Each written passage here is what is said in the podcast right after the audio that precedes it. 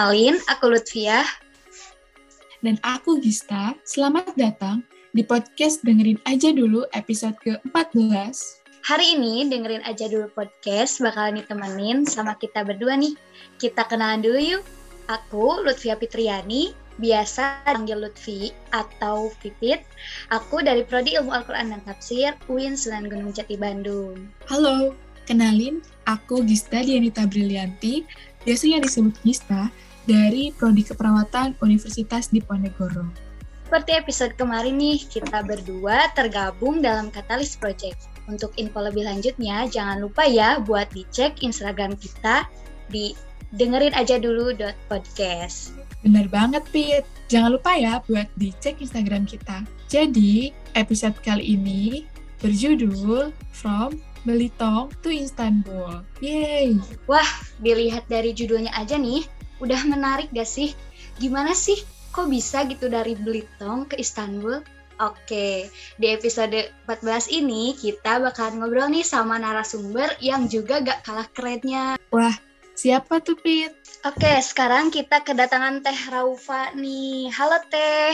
Halo Pipit, halo Gista dan mungkin semua yang dengerin. Boleh dong Teh uh, perkenalan sedikit dulu dari Teteh. Oke.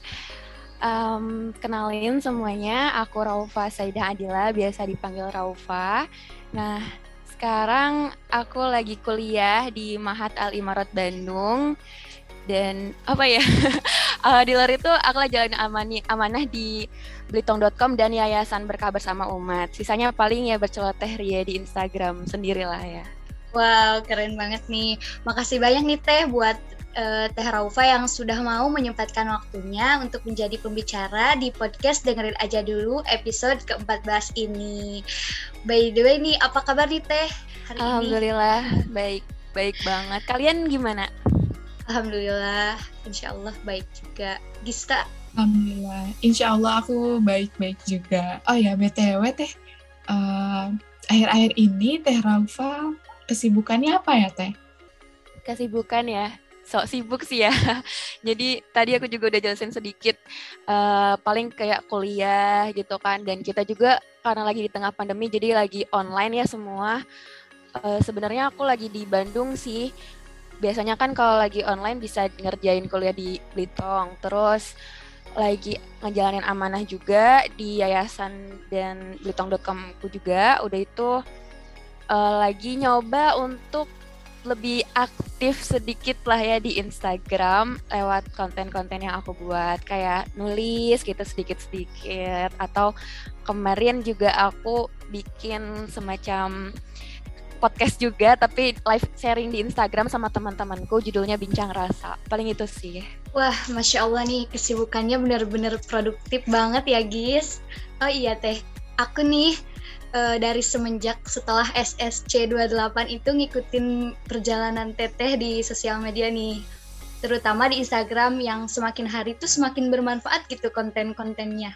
Nah, kalau boleh tahu nih Teh, gimana sih awalnya Teh Raupa bisa dakwah dan aktif di sosial media? Oke. Okay. Wah, makasih ya gitu udah ngikutin dan menemukan kebermanfaatan gitu ya, alhamdulillah. Jadi awalnya ya gimana ya? Sama halnya sih dengan orang-orang di luar sana. Dulu aku pikir kalau sosial media itu ya cuma untuk kesenangan semata. Tempatnya kita pamer foto mungkin gitu kan, pamer video sama temen-temen, update status yang kadang gak jelas dan sebagainya. Aku juga pernah ada di titik itu. Sampai sekarang sih sebenarnya masih ada lah ya gitu yang kurang-kurang berfaedahnya tuh gitu ya untuk uh, kesenangan doang yang diupload. Tapi mindsetku itu mulai berubah seiring bertambah usia ngelihat dunia saat ini tuh kan kayak ngelihat perang ya. Uh, kebaikan sama keburukan tuh sama-sama punya penggeraknya gitu yang akan membawa kita ngegiring kita untuk masuk ke pihak mereka. Tapi kita punya kita punya kendali atas diri kita sendiri. Mau masuk arus yang mana? Walaupun kadang nih kita sendiri tuh nggak sadar. Tahu-tahu udah digiring ke arah yang salah aja kan? Astagfirullah. Nah sosial media itu jadi salah satu alat untuk mempengaruhi banyak orang. Kita semua tahu itu. Tapi kalau kita diam aja, pastinya kita cuma jadi penonton dan penikmat doang, pengikut doang. justru kita lah yang bakal diperalat sama sosial media. Padahal kan seharusnya kita yang jadiin sosial media itu sebagai alat untuk menebar kebermanfaatan kan. Dari keresahan-keresahan itu sih, dari keresahan itu akhirnya tumbuh tekad untuk bisa menjadi seperti yang Nabi katakan, khairun nas anfa'uhum linnas, sebaik-baiknya manusia adalah yang paling bermanfaat bagi manusia lainnya. Terus aku mikir nih, aku bisa jadi bermanfaat gak ya? Terus gimana caranya? Muncul tuh rasa insecure, ngerasa kalau ah gue emang bukan siapa-siapa, mana bisa lah jadi apa-apa tapi ternyata Allah tuh punya skenario yang luar biasa ya jadi aku yang awalnya cuman sekedar mau doang dituntun ke arah yang lebih jelas gitu. Dipertemukan dengan lingkungan yang mendukung niatku dan memperkokoh langkahku pada jalan kebaikan. Jadi itu tuh bukan cuman teman-teman aku doang bahkan kayak keluargaku juga uh, apa ya benar-benar jadi di lingkungan yang seperti itu gitu alhamdulillah.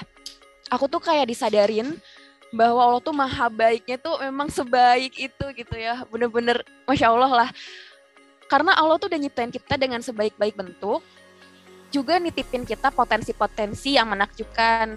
Tapi kitanya aja aku sih ya akunya aja yang kurang bersyukur dan gimana sih gitu ya uh, aku tuh kayak ngerasa aku kurang mempertanggung kurang mempertanggungjawabkan amanah-amanah tersebut. Terus berhubung dari kecil aku juga suka coret-coret, suka cerita, suka baca, suka nulis juga. Semua suka sih, tapi emang nggak sesering itu akhirnya aku memutuskan untuk oke okay, mungkin dari situ aku bisa mulai. Aku teruskanlah semua itu jadi langkah pertamaku untuk menanamkan hal-hal positif yang semoga jadi manfaat untuk orang lain lewat sosial media.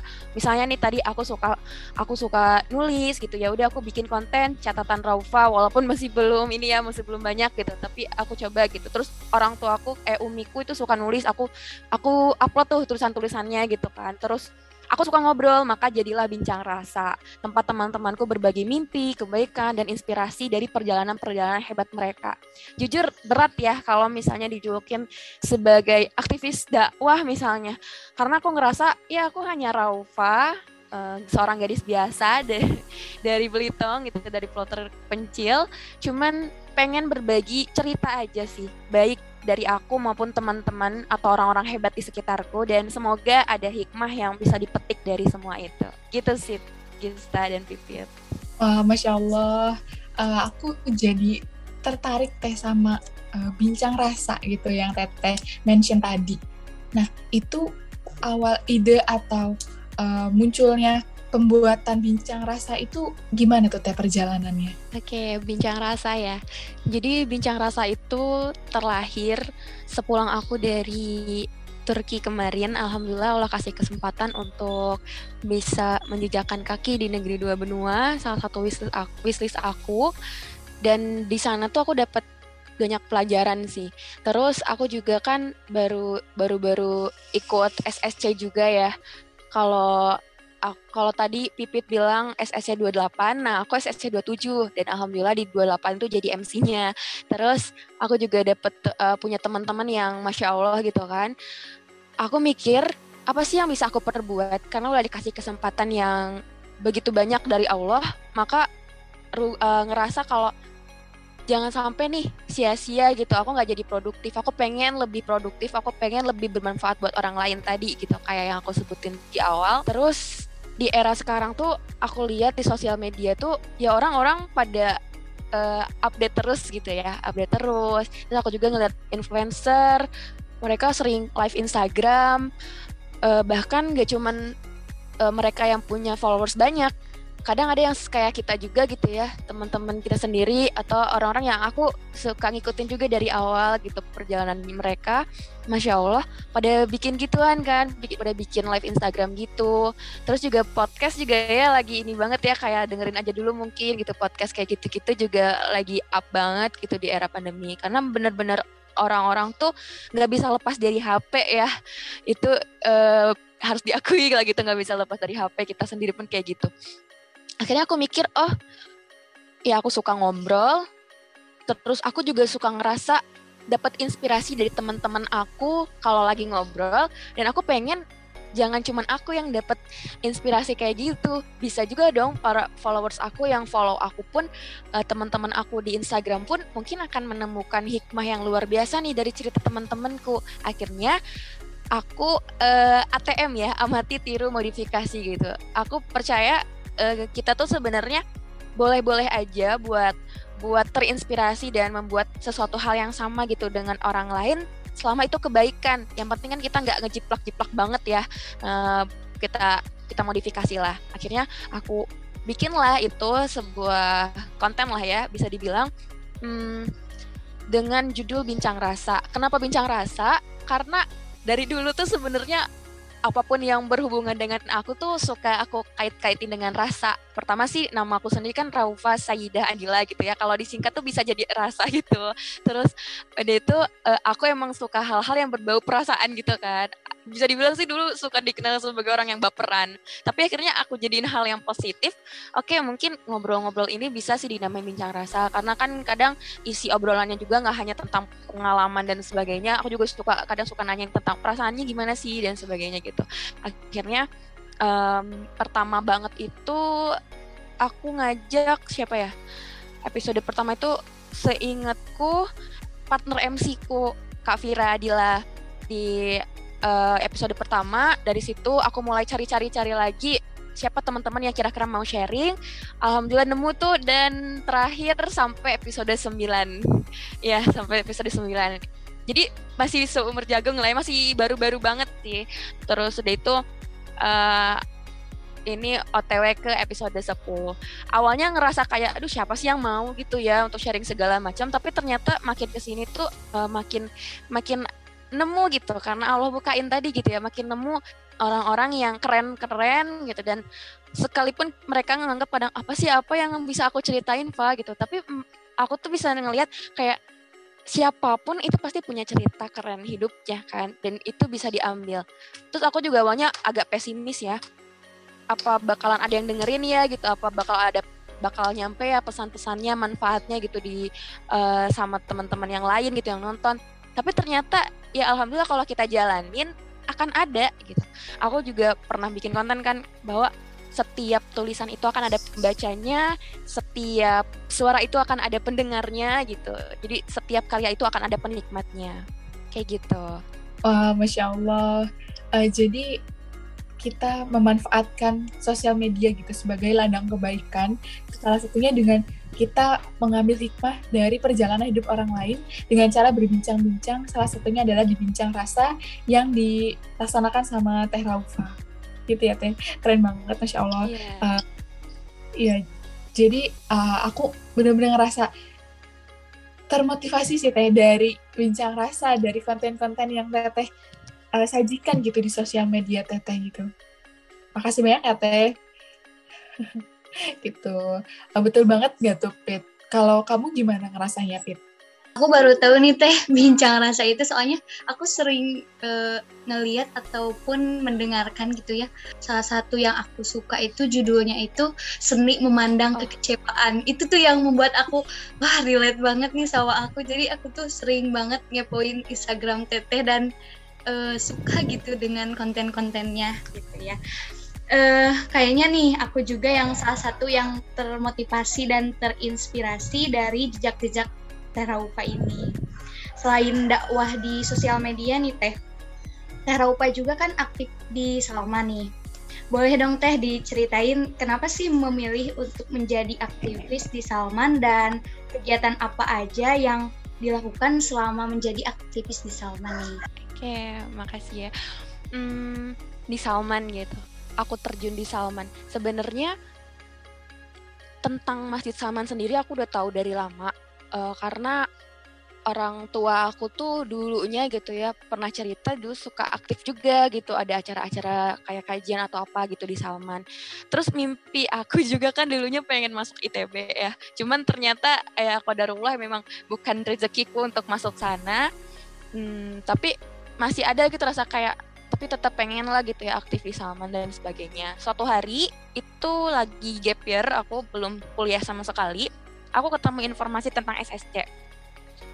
Pengen tuh, pengen ikutan sampai nge-save kontak uh, kontak personnya. Terus aku tanya ini untuk umum atau untuk anak kuliahan aja ya? Boleh nggak kalau misalnya yang belum kuliah untuk daftar? Terus katanya maaf teh khusus untuk uh, yang sudah kuliah untuk mahasiswa aja. Katanya ya udah pupus tuh harapan aku. Tapi setidaknya aku ngerasa kayak aku udah berusaha untuk nanya lah ya.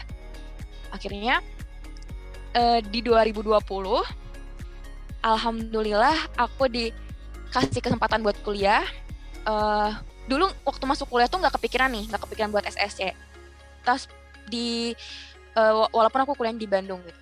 Cuman pas pandemi tiba-tiba harus ke Belitung kan. Harus ke Belitung uh, ke ke tempat maksudnya kampung halaman ke sendiri gitu ya. Semua serba online, kuliah online dan sebagainya. Tiba-tiba ketemu lagi informasi tentang SSC yang alhamdulillahnya dilaksanakan secara online. Artinya nggak apa ya nggak memutus kesempatan mau kita ada di mana pun itu bakalan tetap bisa ikutan gitu kan. Ya udah, aku coba tuh uh, daftar SSC 27 yang untuk pertama kalinya online tadi. Wah, masya Allah ya dari situ tuh kayak terbuka banget wawasan aku nemuin teman-teman juga yang uh, masya Allah terus banyak hal-hal yang aku nggak tahu gitu selama ini dan ternyata di situ tuh tahu. Kayak misalnya agak kaget banget tuh tentang ada menuntut ilmu ya ada menuntut ilmu di tengah pandemi gitu ya di tengah kita uh, online itu harusnya kayak gimana segala macam.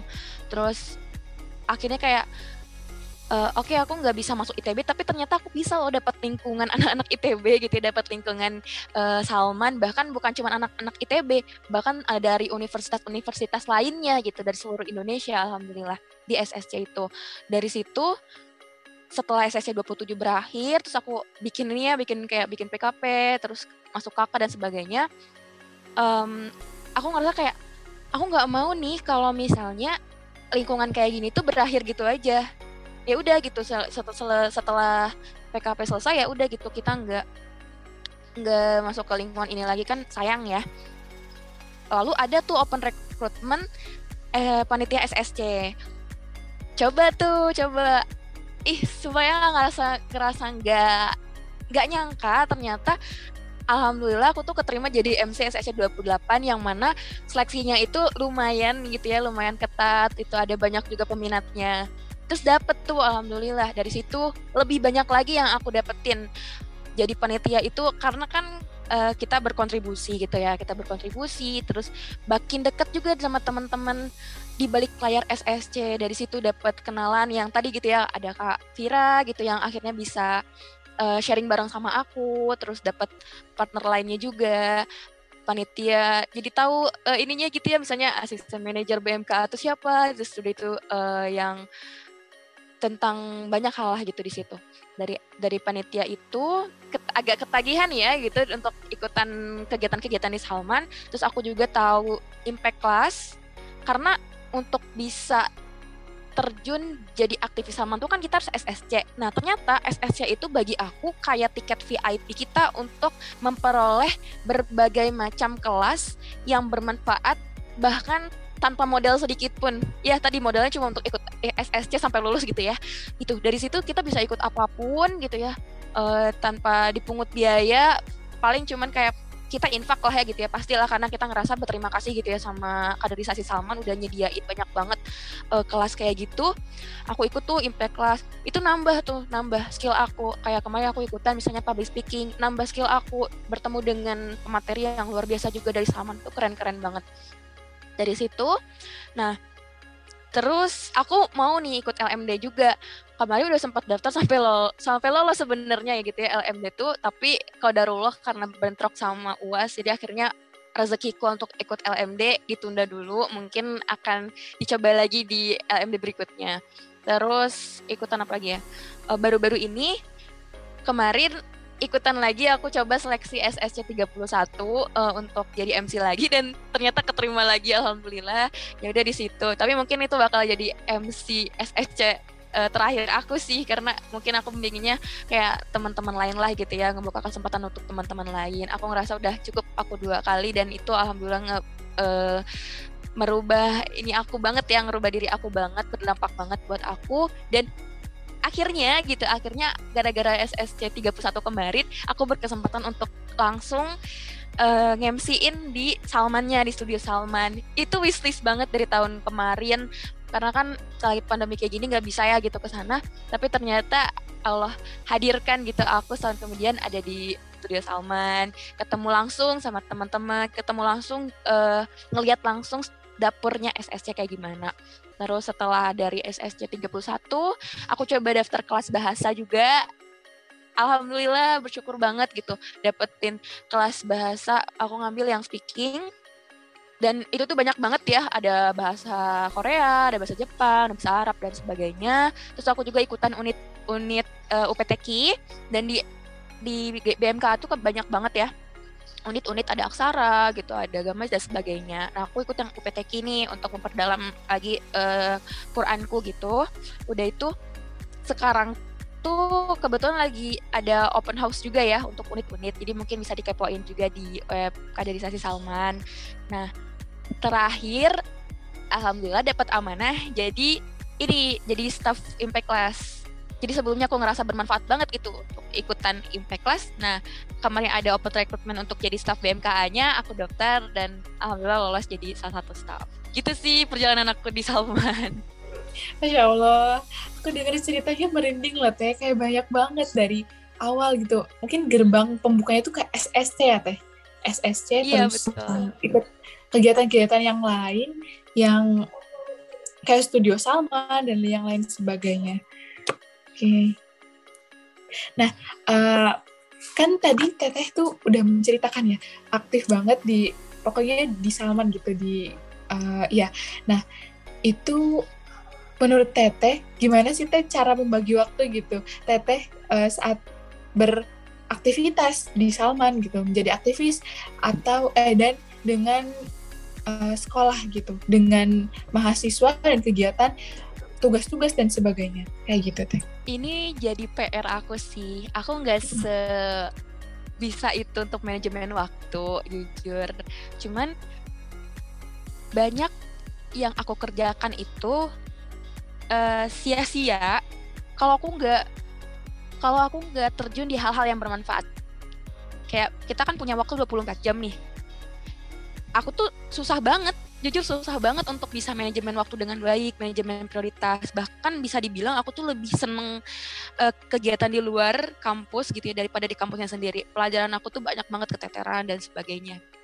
Cuman kalau misalnya nggak gitu, sama aja gitu. Kalau aku nggak ikutan kegiatan-kegiatan di luar kampus, uh, tugas-tugas aku masih juga terbengkalai gitu ya terus uh, kuliah aku juga ya masih gitu-gitu aja tapi waktu yang di luar kuliah itu aku bakalan ngisi dengan hal-hal yang nggak berfaedah. Ya cuma sekedar nge-scroll nge-scroll doang gitu ya Instagram misalnya terus nonton-nonton doang dan sebagainya. Tapi pas giliran aku mulai terjun di beberapa kegiatan gitu ya di luar kampus itu jadi punya ini punya apa ya kayak semacam alarm sendiri. Misalnya nih lagi keasikan lagi keasikan nonton gitu ya.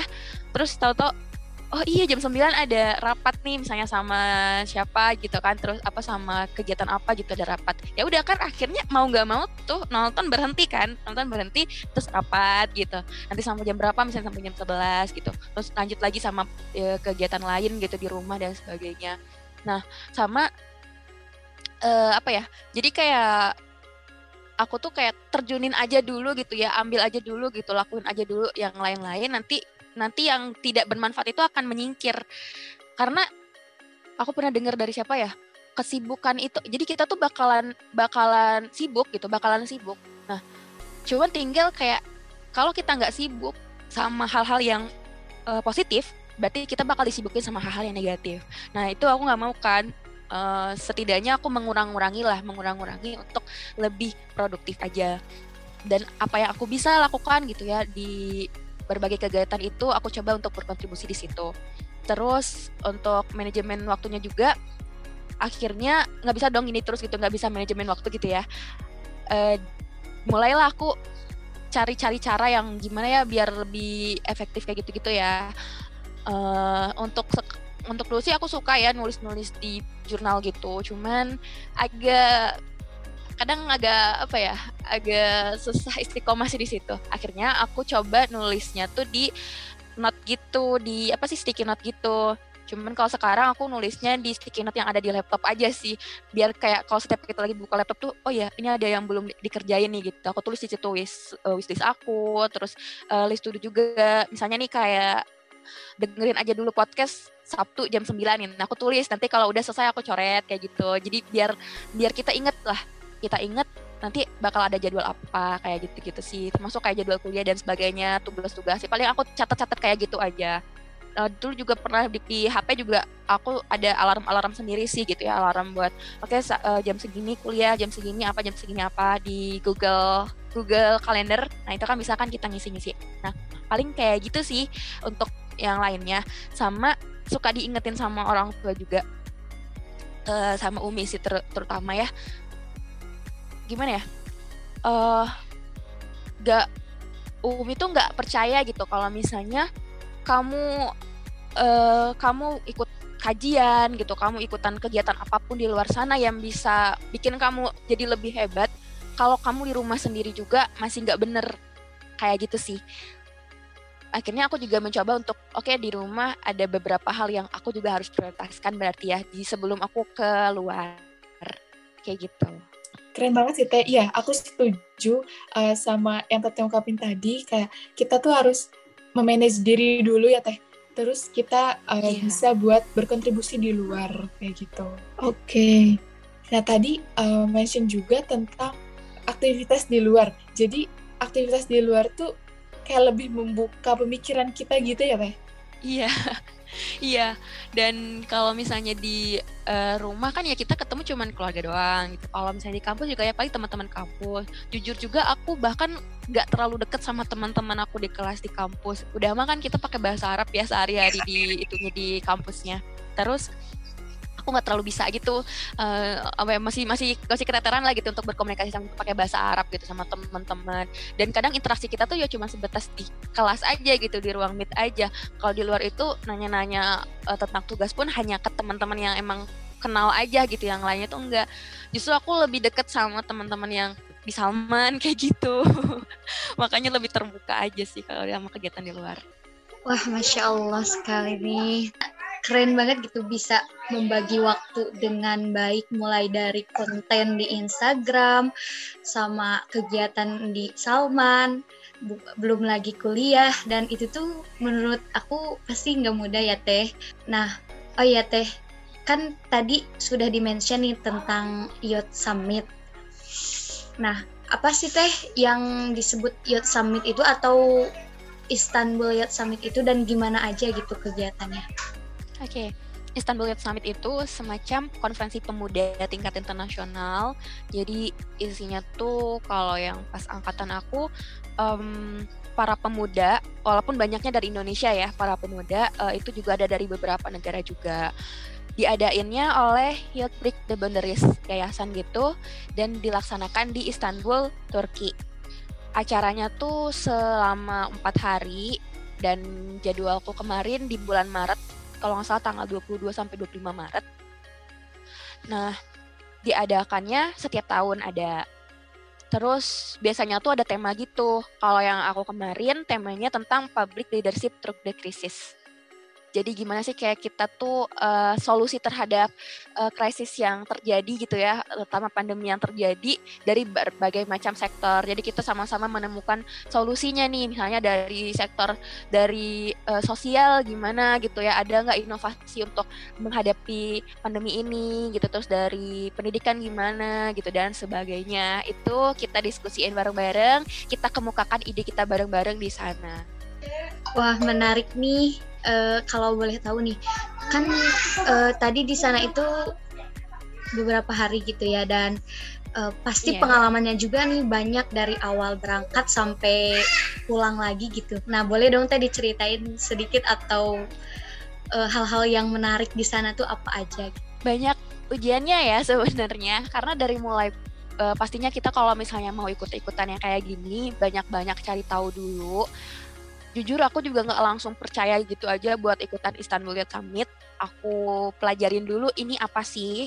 Terus kita kan bisa menggunakan internet dengan baik ya. Kita baca tuh ada nggak yang cerita-cerita gitu ya. Terus udah itu aku follow juga orang-orang yang ikutan di sebelumnya. Uh, terus udah itu aku kepoin Instagramnya juga dan seberapa worth sih untuk ikutan acara ini. Aku cari tahu dan ternyata dia tuh uh, apa ya walaupun katanya Vali Funded, nah itu tuh ada kemungkinan juga kita jadi self funded. Terus Vali Funded itu mungkin berapa ya? Mungkin dari 100 orang tuh paling cuman kayak satu atau dua orang gitu yang dapat uh, buat Vali Funded dan Vali Funded dari IES sendiri itu cuman ini cuman biaya programnya aja. Berarti kan ada kemungkinan aku harus self funded nih. Akhirnya ya tapi aku coba aja daftar karena awalnya sih ini ya, awalnya tuh aku tuh antara kayak daftar nggak ya, daftar nggak ya. Karena untuk punya uh, biaya registrasinya aja kan kayak sekitar 100 150 ribuan gitu lah ya. Itu aku nggak punya. Bener-bener aku nggak punya modal sama sekali buat ikutan ini. Tapi karena dulu dari dulu aku pengen banget uh, ke Turki gitu ya punya mimpi pengen ke luar negeri lah ya. Uh, dan informasi tentang IES ini muncul terus gitu di Instagram aku. Apa ini kode dari Allah ya gitu. Aku pikir kayak gitu. Terus aku ngomong sama umi aku uh, dari umi lah dikasih gitu ya udah ini coba aja daftar gitu ini ada sih gitu pakai uang ini dulu aja ya daftar aja tapi kamu tanggung jawab. Aku kira tuh tanggung jawab ya aku harus berangkat gitu ya pada saat itu. Ternyata masuk tanggung jawab ini ini biaya registrasi tanggung jawab nih sampai selesai pendaftarannya. Gitu aja dulu gitu maksudnya daftar aja kan kita belum tentu lolos kan. Nah jadi umi tuh cuman gitu aja tapi aku tuh di situ nangkepnya kayak uh, se, uh, apa ya ini uang yang Umi kasih untuk pendaftaran ini inilah gitu yang nanti akan jadi awal mulaku untuk aku tanggung jawab untuk sampai ke Turki kayak gitu. Ya udah aku coba uh, ikutin alur pendaftarannya dari mulai uh, registrasi terus udah itu upload Twibbon terus ada juga disuruh bikin esai dan sebagainya. Nah setelah itu ternyata alhamdulillah lolos kan? Lolos mulai tuh bikin-bikin proposal dan sebagainya. Dan emang aku nggak dapat vali funded juga ternyata gitu ya. Karena emang susah gitu untuk dapat vali funded dari esainya. Terus ya udah aku banting setir aku bikin uh, proposal terus ngaju-ngajuin uh, sana sini. Pertolongan Allah itu nyata banget ya dan di situlah kita diujinya tentang keyakinan. Seberapa yakin kita yang akan ngesponsor kita itu Allah. Yang yang yang ngasih-ngasih dana itu itu tuh cuman pasukan-pasukannya Allah gitu. Dan aku dikasih lihat kebesarannya Allah tuh lewat orang-orang baik gitu ya orang-orang baik yang ada di sekitar mereka nolongin uh, alhamdulillah akhirnya berangkat juga lewat sponsor sponsorship itu terus waktu di sananya tuh kaget, seneng, haru dan sebagainya dan kebayar banget gitu ya perjuangannya itu alhamdulillah. Untuk day pertama tuh kita ini sih ada kayak uh, makan malam gitu, makan malam gitu tapi pakai baju adat atau pakai baju batik. Terus ketemu sama dari teman-teman dari berbagai daerah juga, dari berbagai negara juga. Terus udah itu di day kedua uh, ini ya dengerin pembicara-pembicara gitu yang luar biasa. Ada yang dari Indonesia, ada yang dari Turkinya langsung gitu. Day tiga, seingatku ya day tiga, day tiga itu uh, ini kita presentasi. Nah, jadi ketika kita lolos di IES ini kan kita selesai bayar pendaftaran sebagainya, terus ngusahain tiket dan sebagainya. Nah, selama proses itu, selama proses itu kita dikelompokin Terus kelompok itulah yang akan uh, bikin suatu karya atau presentasi ide untuk di IES nantinya. Aku dapat kelompok yang konsen di bidang sosial, terus kita bikin program, uh, kita bikin platform yang namanya Youth Skill Development. Itu tuh platform yang ini uh, bikin-bikin acara atau konten-konten yang berhubungan dengan pengembangan skill anak muda. Karena kan kita lihat ya gitu anak muda sekarang tuh ya banyak yang pengangguran dan sebagainya mungkin karena kekurangan uh, ini kekurangan kemampuan gitu ya untuk terjun di dunia kerja gitu untuk bikin bisnis dan sebagainya. Akhirnya terlahirlah Youth Skill Development dari kelompok yang IES tadi. Di situ kita presentasi ini di day seingat aku day 3 ya gitu. Mohon maaf aku agak sedikit lupa. Nah, di situ uh, kita presentasiin, kita bagi-bagi nih yang presentasinya siapa. Terus uh, karena kita ngerasa aku udah sampai di sini dan aku pengen pengen ini ya, pengen keluar dari batas kemampuan diriku sendiri, aku pengen coba nih untuk uh, presentasi dalam bahasa Inggris itu, walaupun bahasa Inggris aku masih balelol gitu ya, tapi aku pengen coba juga gitu, teman-teman aku juga kayak gitu, akhirnya berapa orang ya kita? Kalau nggak salah hampir 10 orangan gitu itu semua dibagi-bagi kayak cuman semenit dua menit doang gitu tampil tapi setidaknya kita udah pernah nyoba gitu tampil di depan uh, ratusan orang gitu ya di depan panitia di depan juri untuk ngemukakan ide kita. Dan nggak cuman kita juga ada banyak kelompok lainnya itu dan ternyata keren-keren banget sih ide dari mereka. Um, aku dapat dapat wawasan juga gitu ya.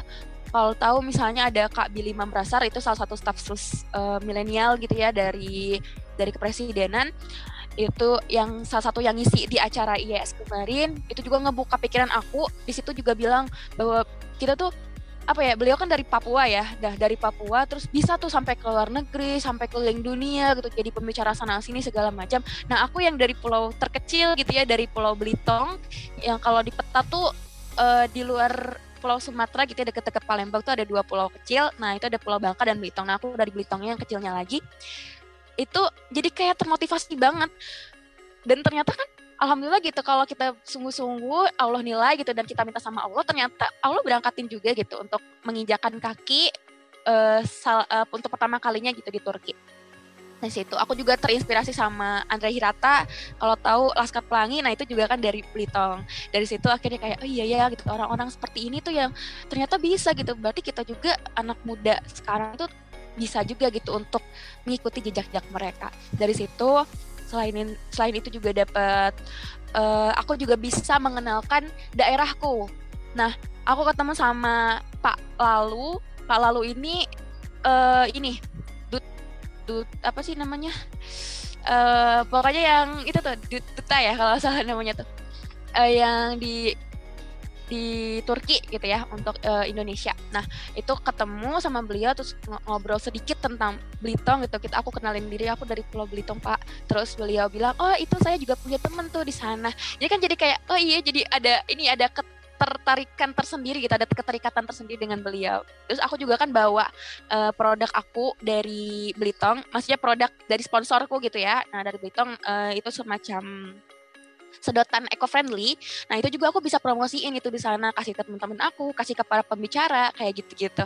Dan jadi kita tuh jadi kayak apa ya ketika ada di luar negeri dan ketemu sama teman-teman yang luas banget, ada rasa uh, aku harus aku harus bisa jadi duta daerahku sendiri gitu di sana.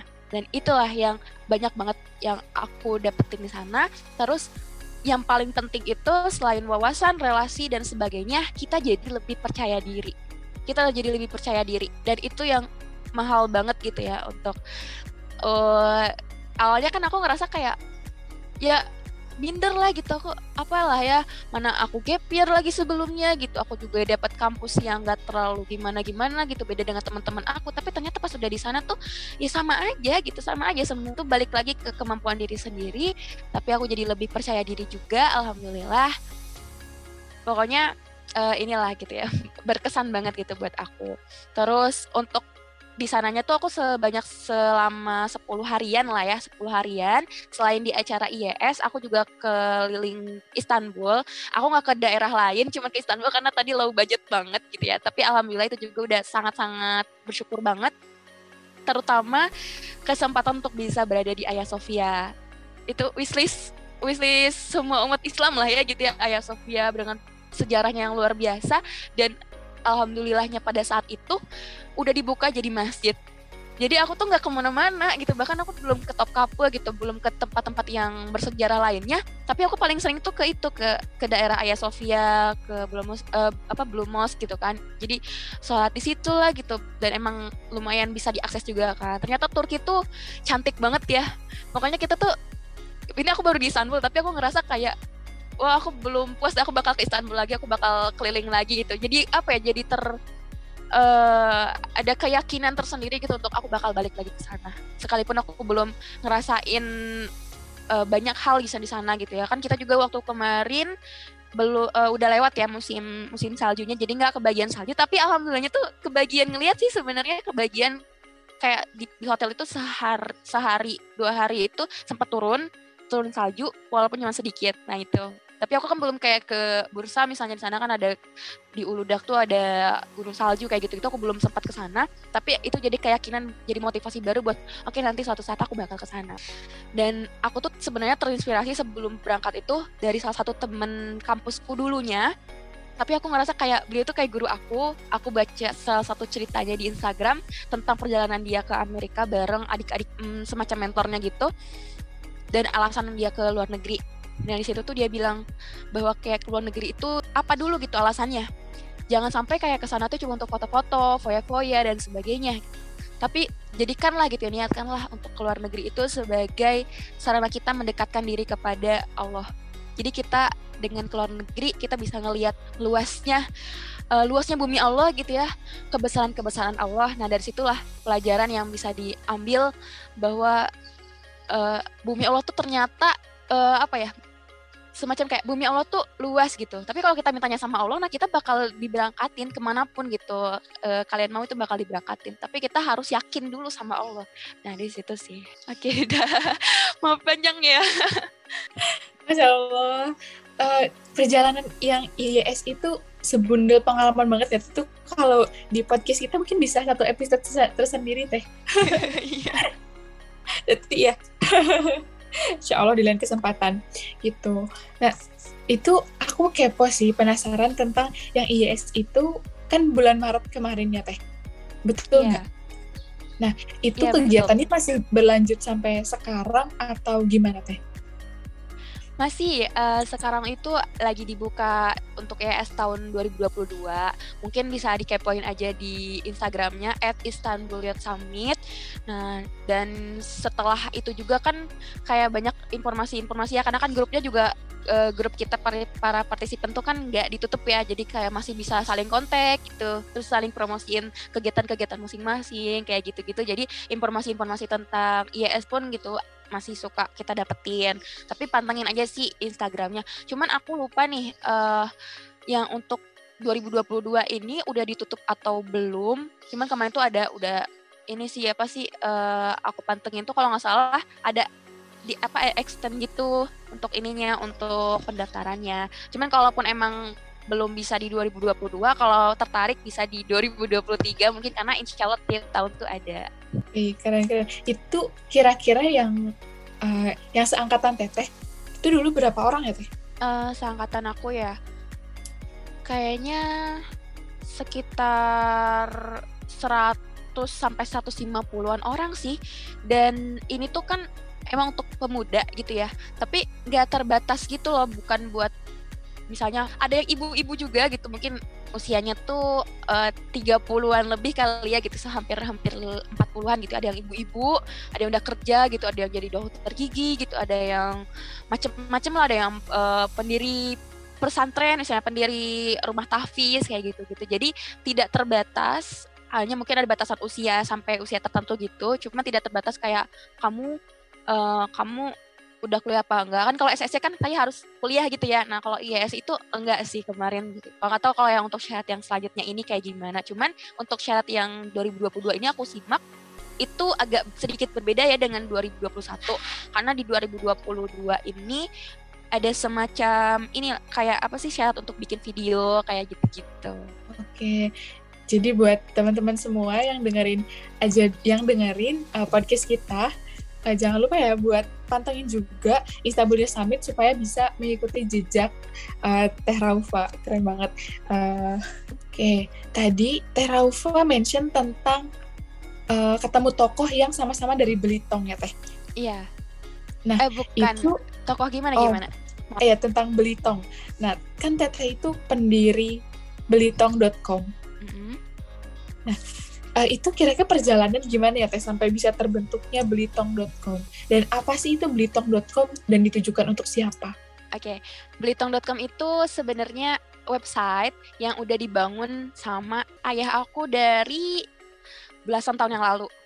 Jadi ayah aku tuh udah udah apa ya semacam visinya tuh udah panjang banget gitu ya. Jadi dari sebelum aku sadar tentang banyak hal gitu karena masih kecil banget itu dia udah udah udah apa bikin blitong.com jadi sebelum diambil sama orang lah ya kan kalau domain itu kan bisa dia bisa diakses sama orang lain kan. Nah itu loh udah dijaga tuh bertahun-tahun blitong.com nunggu apa? Nunggu anak-anaknya besar dan mulai bisa berkontribusi di sini. Terus uh, sebelum aku ke Turki uh, beres itu uh, ayah aku untuk bikin ininya perencanaannya gitu. Nanti Beliton.com itu bakal gimana gimana gimana gimana dan sebagainya. Jadi sebenarnya aku tuh dibilang pendiri itu karena aku terlibat langsung sama ayahku jadi pendiri yang sebenarnya tuh ya foundernya itu kan ayahku nah terus ayahku tuh melibatkan aku sebagai anak pertama juga kan. Jadi uh, aku kontribusi di situ. Di Beliton.com sendiri uh, sebenarnya bukan cuman untuk Belitong tapi untuk Nusantara. Jadi untuk se seluruh Indonesia gitu ya mungkin bahkan internasional pun gitu ya rencananya tuh pengen kayak gitu. Walaupun sekarang masih ngerintis dan kita tuh kayak ngebangun jaringan juga gitu ya untuk bisa apa namanya bisa maaf. Pokoknya si blitong.com ini tuh uh, tidak hanya untuk Belitong saja tapi juga bisa kebermanfaatannya tuh secara luas. Nah kayak gitu. Uh, rencananya sih bakal ada konten-konten kayak gitu kan konten-konten yang bermanfaat tentang wisata sih misalnya kan kalau di Belitung tuh bis wisata gitu terus uh, berbagai cerita-cerita hikmah juga dan sebagainya. Jadi doakan aja gitu ya semoga bisa jadi sesuatu yang besar dan bermanfaat gitu untuk belitong.com. Dan ini tuh semacam ini sih semacam cita-cita yang sudah lama gitu ayahku persiapkan uh, dan salah satu yang pengen uh, dibuat gitu ayahku. Jadi karya yang pengen dibuat bersama keluarganya dulu kayak gitu. Iya, kayak banget. Jadi melibatkan keluarga dalam berkarya. Iya. Masya Allah. Masya Allah nih, jadi tambah termotivasi gitu setelah mendengar cerita langsung dari Teh Raufa ini. Terutama tadi yang uh, jadi pendiri uh, belitong.com gitu ya. Nah, dari sekian banyak perjalanan yang Teteh ceritain tadi nih, pastilah ada aja gitu ya rintangannya. Lalu gimana sih teh cara teteh untuk selalu istiqomah dalam menjalankan semua kegiatan teteh tersebut? Untuk keistiqomahan sendiri, itu aku masih minta doanya ya buat uh, dari teman-teman semua gitu ya. Semoga aku bisa bener gitu istiqomah karena untuk memulai sesuatu itu kita mudah ya. Kita bisa aja detik ini uh, oke okay, aku pengen nyobain ini deh gitu ya aku kita jalanin aja. Tapi untuk istiqomah itu tuh berat banget berat banget. Masih ada jatuh bangunnya masih ada males-malesnya masih ada nggak produktifnya dan sebagainya. Tapi untuk perjalanan hijrah ya berarti ya perjalanan hijrah untuk bisa istiqomah kayak gitu-gitu uh, emang aku tuh ngerasa dimulai dari keluarga dulu sih.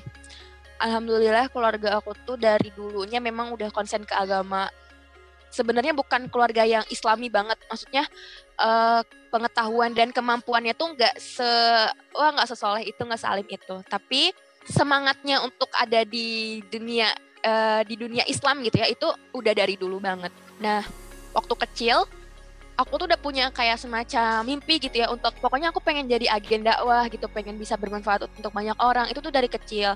Bahkan pakai jilbab aja itu kita aku kan bertiga cewek ya bertiga cewek satu cowok gitu eh, sama adik-adik aku nah kita semua tuh yang cewek-cewek tuh udah dari ya dari kecil lah mungkin gitu ya dari kecil banget itu udah pakai jilbab sebelum orang-orang pas awal-awal aku juga kan itu belum ada yang terlalu banyak pakai jilbab ya pakai kerudung itu waktu SD aja bisa kayak satu kelas tuh cuma aku doang gitu yang pakai jilbab. Kalau sekarang mungkin justru yang nggak pakai jilbab yang sedikit ya gitu. Kalau dulu kan satu dua orang gitu di sekolah tuh kita tuh tahu gitu ya pakai jilbab tuh cuma siapa aja gitu kalau di sekolah waktu SD.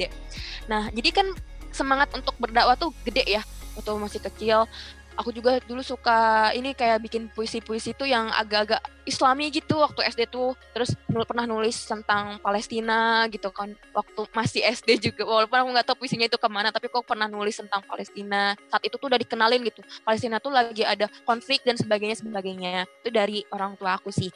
Nah, terus seiring berjalannya waktu, mulai tuh tercelup dengan hal-hal yang agak mengundang uh, ini ya gitu. Maksudnya warna-warna yang tidak terlalu cerah gitu. Ya warna-warna gelap gitu ya. Kayak di SMP sama SMA aku kan masuknya ke negeri yang umum gitu ya aku pengen pesantren sebenarnya tapi belum kesampaian gitu. Pada saat itu tuh nggak kesampaian untuk pesantren akhirnya masuk ke yang umum.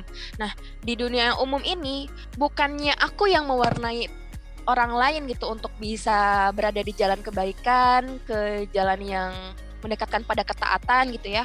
Tapi aku yang malah terwarnai aku ikut kayak apa ya pokoknya aku ngerasa kayak itu tuh masa-masa parah aku lah masa-masa parah aku. Walaupun katanya kan ya nama namanya juga SMA gitu masa-masa pencari pencarian jati diri gitu ya. Tapi aku ngerasa kayak parah banget lah pokoknya aku nggak nggak baik lah kalau diceritain gitu ya. Banyak banyak aibnya gitu di situ. Uh, tercelup di situ. Walaupun aku di situ tetap aktif di osis atau rohis gitu ya rohani Islam. Tapi aku tuh nggak terlalu mencerminkan akhlak yang seperti itu pada saat itu. Hmm, mulai juga kenal ini ya namanya virus merah jambu. Padahal aku dulu anti banget yang namanya uh, deket-deket sama cowok untuk maksud tertentu gitu. Tapi ya ya astagfirullah lah gitu ya. Semoga Allah mengampuni kesalahan-kesalahan aku di situ. Terus lulus tuh gap year gak langsung dapat universitas selama dua tahunan. Dua tahunan jadi hmm, perjalanan paling berat juga. Aku down banyak masalah gitu kurang percaya diri yang parah banget bahkan kadang minder gitu ya kayak Rafa sekarang lagi di mana? Oh iya kerja dan sebagainya. Itu tuh bikin aku minder banget. Aku pengen awalnya kan aku pengen pesantren juga kan setelah lulus itu ya tapi belum dapat dapat juga. Nah mulai itu aku ikutan karantina uh, tahfiz sekitar 10 hari. Nah, kalau tadi kan aku di Turki itu 10 hari tuh. Nah, itu jadi jadi aku tuh ada beberapa momen 10 hari 10 hari ter terbaik dalam hidupku gitu loh. Nah, kalau yang kemarin yang tadi part yang 10 hari terbaik itu di Turki, nah ini 10 hari di karantina tahfiz. Kan bacaan Quran aku tuh masih kacau gitu kan, masih kacau. Nah, di situ aku kayak mulai dibenerin sedikit demi sedikit di karantina taf itu tuh aku ketemu teman-teman yang hebat banget. Nah, di situ aku kenal sama seseorang yang dia dia berani bilang kayak gini semua dosa yang ada di muka bumi ini udah pernah gue lakuin kata dia. Udah pernah gue lakuin. Bahkan dia nunjukin ada tatonya gitu. Uh, dan semua udah pernah gue lakuin kecuali katanya apa ya jual jual diri sama ngebunuh orang. Cuma itu yang belum gue lakuin kata dia. Jadi dia bilang gitu tapi dia bilang ya apa ya dia tetap semangat untuk ngafalin Quran. Itu kan kaget banget ya gitu.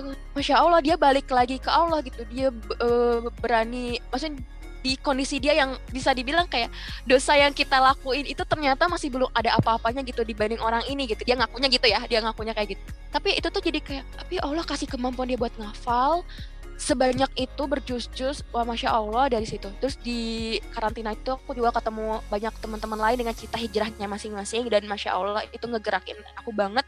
Bikin aku lebih percaya diri juga di situ. Lebih percaya diri gini mungkin di masa lalu banyak banget dosa yang udah aku lakuin gitu. Banyak banget eh, hal-hal uh, yang aku nggak mau sebenarnya itu tuh menodai perjalanan aku. Tapi yang namanya manusia itu nggak sempurna kan? Manusia itu nggak sempurna. Yang sempurna itu cuman Allah. Dan mungkin Allah tuh ngebiarin aku sebelumnya untuk tercelup dengan hal-hal yang buruk itu untuk ngasih aku pelajaran supaya aku nggak sombong. Dulu mungkin aku sombong, aku ngerasa lebih baik dari teman-teman aku gitu ya, karena misalnya aku dulu pakai jilbab duluan, aku udah uh, udah terjun di hal-hal yang berbau Islam duluan gitu kan dibanding teman-teman aku di luar sana. Nah mungkin ada di situ tuh rasa-rasa sombong aku jadi lebih baik dari orang lain. Nah akhirnya Allah biarin aku untuk tercelup ke hal-hal yang buruk itu biar aku sadar bahwa aku tuh tidak sebaik itu sebenarnya. Aku tuh bisa ada di titik yang uh, rapuhnya gitu, ada di titik yang kacaunya. Itu tuh biar aku bisa kembali lagi ke Allah, minta ampun. Nah, di situ aku baru ngerasain gitu ya, titik gini ya ternyata nikmatnya curhat sama Allah tuh nangis-nangis gitu, menceritakan tentang perjuangan uh, kita apa ya aku nggak tahu lagi harus gimana gitu. Emangnya aku pantas ya ya Allah untuk untuk uh, dakwah lagi gitu. Emangnya aku pantas ya untuk bisa bermanfaat untuk banyak orang sedangkan akunya aja sama diri aku sendiri nggak selesai. Pokoknya kacau banget. Aku ada titik nol. Semenjak 2020 digiring sama Allah untuk masuk kampus yang isinya cuma perempuan belajarnya bahasa Arab gitu ya di Mahat Alimarat walaupun orang-orang bahkan kayak mikir apa sih itu kampus apa? Aku nggak pernah denger itu apa dan sebagainya. Tapi aku bersyukur banget bisa ada di sini. Ketemu lagi nih relasi yang masya Allah.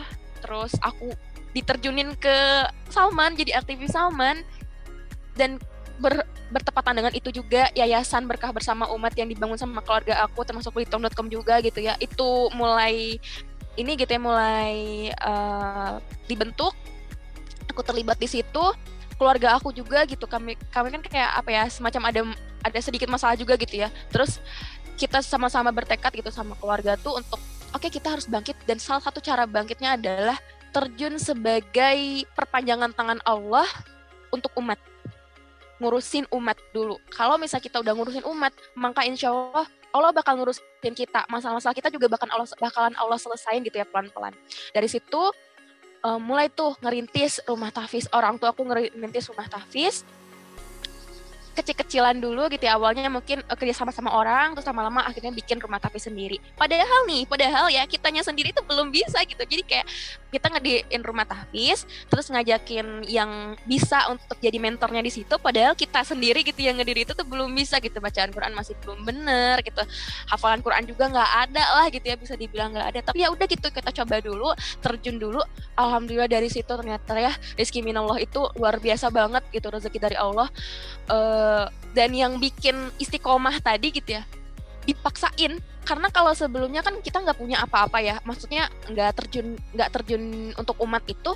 Jadi kalau kita mundur kalau kita uh, rapuh gitu ya kalau kita nggak ngerasa kayak apa ya di titik down gitu susah untuk bangkitnya. Karena nggak ada nggak ada alarmnya gitu. Karena nggak ada pemicunya gitu untuk bangkit lagi. Tapi ketika kita udah terjun nih untuk umat kayak aku di labelin sebagai aktivis Salman sekarang gitu karena udah masuk SSC misalnya. Terus uh, aku juga keluarga aku juga udah ada rumah tahfiz nih. Kalau kita lagi males-malesnya itu tuh jadi pengingat gitu. Masa sih mentor di rumah tahfiz, masa sih yang punya rumah tahfiz misalnya ya nggak bener, ya kan? Masa sih aktivis Salman tapi posting-postingnya yang senang-senang mulu gitu, yang uh, moderat mulu kan enggak lah gitu. Jadi kayak ada semacam yang kayak gitu gitu untuk negur oke okay, saat ini uh, sekarang harus nge-share yang bermanfaat. Oke okay, sekarang harus uh, ningkatin lagi keimanannya kita terjun dulu ke hal-hal yang positif yang mendekatkan kita pada Allah. Nanti Allah akan reminder kita gitu dari hal-hal itu gitu. Dari apa yang kita lakuin itu akan dikasih gitu peringatan-peringatan itu. Dan sama percaya seburuk apa pun kita gitu ya sedalam apa pun, sekelam apa pun masa lalu kita, Allah itu akan menyambut kita kembali. Allah itu akan mendengarkan keluhan kita, akan men, akan apa ya? Allah kan maha tahu ya. Allah kan maha tahu nih. Jadi Allah tuh tahu gitu gimana struggle kita menghadapi hidup gitu. Gimana susahnya kita untuk meluruskan niat, gimana susahnya kita untuk berjuang di jalan dakwah. Tapi tapi Allah itu nggak akan pernah ninggalin kita dan kita minta ampun sama Allah maka Allah bakalan ngampunin kita, bakalan nuntun kita lagi, bakal memperbaiki kita lagi. Jadi uh, itu sih kalau menurut aku yang bikin istiqomahnya di situ. Wah, masya Allah sekali nih. Sama nih aku merinding banget mendengar ceritanya selain dari motivasi dalam diri Teteh dan semangat yang membara gitu untuk selalu bermanfaat untuk orang lain. Teteh juga ada uh, support system yang mendukung dari belakang gitu ya, itu keluarga Teteh sendiri gitu ya. Wah, gak kerasa nih Teh udah di penghujung akhir ngobrol ngobrol-ngobrol. Terima kasih banget Teteh ceritanya yang benar-benar menginspirasi banyak orang ini tem terutama teman-teman setiap pendengar dengerin aja dulu podcast uh, udah mendengarkan cerita Teraufa ini dari A sampai Z yang banyak sekali dagingnya insya Allah bisa kita terima. Dan menjadi reminder juga buat aku nih sebagai seseorang yang masih gini-gini aja gitu teh jadi termotivasi untuk gerak lebih cepat lagi. Insya Allah. Gimana nih menurut Gista? Betul banget Pit uh, jadi aku apa ya lebih ke introspeksi diri sih. Jadi luar biasa banget ya Raufa gitu. Dengan perjalanannya yang panjang dan nggak mudah pastinya tapi dapat dijalani dengan sepenuh hati gitu bisa sampai sekarang. Nah nggak kerasa sih udah kurang lebih satu jam kita ngobrol-ngobrol. Ya nah dan ini insya Allah bermanfaat banget sih pastinya. Nah sebelum kita uh, tutup obrolan kita nih teh pada sesi kali ini, boleh dong kasih uh, sepatah dua patah kata atau closing statement dari Teh Raufa buat pendengar setia dari dengerin aja dulu podcast. Sebelumnya aku mau ngucapin makasih buat Kista, Pipit, dan tim dengerin aja dulu podcast. Udah ngasih kesempatan aku untuk cerita karena biasanya aku dengerin cerita orang gitu ya. Saat ini aku malah yang cerita dan emang emang suka banget cerita sih sebenarnya anaknya gitu yang ngobrol kayak gini-gini uh, makasih banget itu udah ngasih ruang kayak gini dan semoga uh, terus ini ya terus sukses lah gitu ya untuk uh, buat konten-konten seperti ini gitu ya ke depannya menemukan uh, menjadi wadah sharing orang-orang hebat di luar sana gitu. Dan kalau misalnya dari aku sih pesannya buat teman-teman, sebenarnya buat diri aku sendiri, Bismillah, yakin sama Allah itu pokoknya seyakin-yakinnya. Kalau ada sesuatu yang sedang diperjuangkan, minta aja sama Allah. Karena siapa sih yang bakal nolong kita kalau bukan Allah? Mimpi-mimpi kita besar, tapi kita punya punya Allah yang maha besar. Dan kalau kita ngerasa tadi sekelam apa pun kita, udah sebanyak apa pun dosa yang kita lakukan, bahkan ibaratnya uh, udah nggak diampunin lagi lah. Kan kalau di depan manusia itu, di depan manusia itu kalau misalnya dosa bisa berbau ya, mungkin nih Gisa sama Pipi tuh nggak akan nggak akan mau ngundang aku gitu. Terus kita mungkin semua itu akan saling menutup hidung gitu kalau ketemu gitu ya semua orang gitu. Karena apa? Karena dosanya berbau sebanyak itu. Tapi Allah maha baik nutupin aib-aib kita nutupin perjalanan-perjalanan yang tidak boleh untuk diceritakan gitu ya dari orang lain. Nah Allah cuma ngasih lihat cita-cita kita yang baik padahal nggak sebaik itu sebenarnya gitu aku pun dari yang bisa diambil tuh ya ambil yang hikmahnya aja gitu ya ambil yang baik-baiknya aja. Kalau tadi kalian dengar ada yang buruk-buruk itu jangan diikutin. Tapi intinya ya balik lagi aja gitu balik lagi ke Allah. Terus sehebat apa pun kita jangan pernah merasa kehebatan itu dari kita. Karena kita bisa ada di titik mana pun itu pasti atas izinnya Allah. Gak mungkin di mata kita itu hanya ketidakmungkinan di mata manusia tapi kalau Allah udah berkehendak apa pun akan menjadi mungkin jadi percaya aja sama Allah. Tidak. Terima kasih juga teman-teman yang udah dengerin ya. Iya teh. Insya Allah nih hebat banget teteh. Makasih banyak teh motivasinya dan sepatah kata dua patah katanya. Makasih juga nih udah meluangkan waktunya menjadi pembicara. Didengerin aja dulu podcast episode ke-14 ini. Semoga Teh Raufa sehat selalu ya. Semoga selalu dilancarkan dalam semua Amin. kegiatannya dan selalu istiqomah. Salam juga untuk keluarga. Sehat-sehat selalu ya Teh. Amin. Kalian juga ya. Sehat-sehat terus. Salam juga buat keluarga. Amin.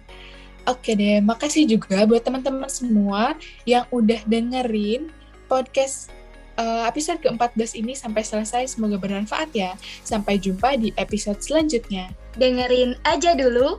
Siapa tahu suka.